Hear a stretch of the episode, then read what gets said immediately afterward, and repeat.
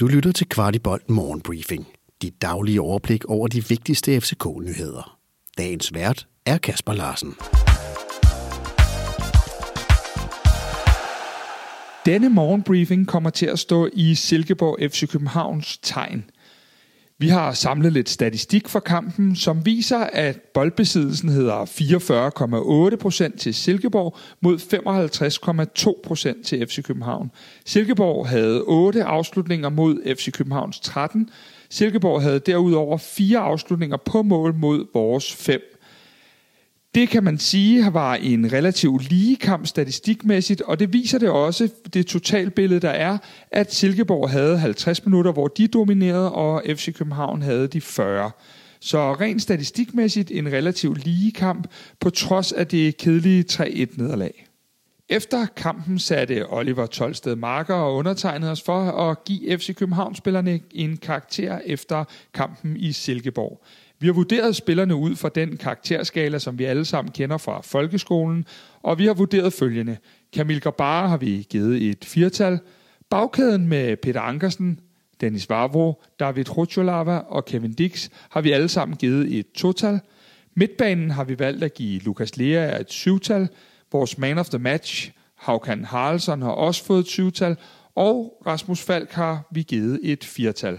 Den forreste kæde med Mukairo, Pep Biel og Victor Claesson har vi alle givet et total. De indskifter, der fik mere end 20 minutter, det er Rooney og det er Victor Christiansen. Dem har vi begge valgt at give et total.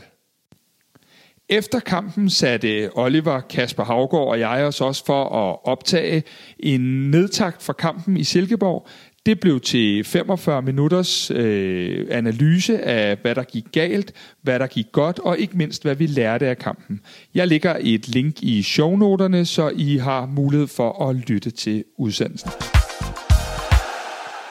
Og sørme, om vi ikke allerede skal spille kamp igen på mandag. Her er modstanderen Brøndby IF i et derby. Også et derby, der vil blive kendetegnet ved ikke at have away fans. Vi er gået sammen med Brøndby Lyd, øh, podcasten ude i Brøndby, om at lave en optakt til kampen. Det gør vi i morgen, eller det der så er fredag morgen kl. 10, og vi regner med at sende den på YouTube. Grunden til, at vi har gjort det, er, at der har været så meget på styr omkring, hvordan vi opfører os, både den ene og den anden fangruppe, og vi vil gerne vise, at selvom vi ikke kan fordrage hinandens klubber, så vil vi gå sammen om at tale pænt til hinanden og om hinanden i en optakt, hvor der vil være fokus på både FC København og Brøndby, og som vi sender live inden for parken her fredag kl. 10. Og ikke en dag uden transfernyheder efterhånden. Ifølge BT's polske kilder tiltrækker Kamil Gabrasa en konkret interesse fra Bundesligaen, hvor flere klubber angiveligt holder øje med ham – og det skulle åbenbart ikke mindst skyldes polakkens agent, øh, Bolek, der skulle have efter sine have et rigtig stærkt netværk i Tyskland. Øh, vores vurdering er, at Gabara underskrev en femårig aftale med FC København sidste sommer, og at øh, det er for tidligt at øh, skulle sælges.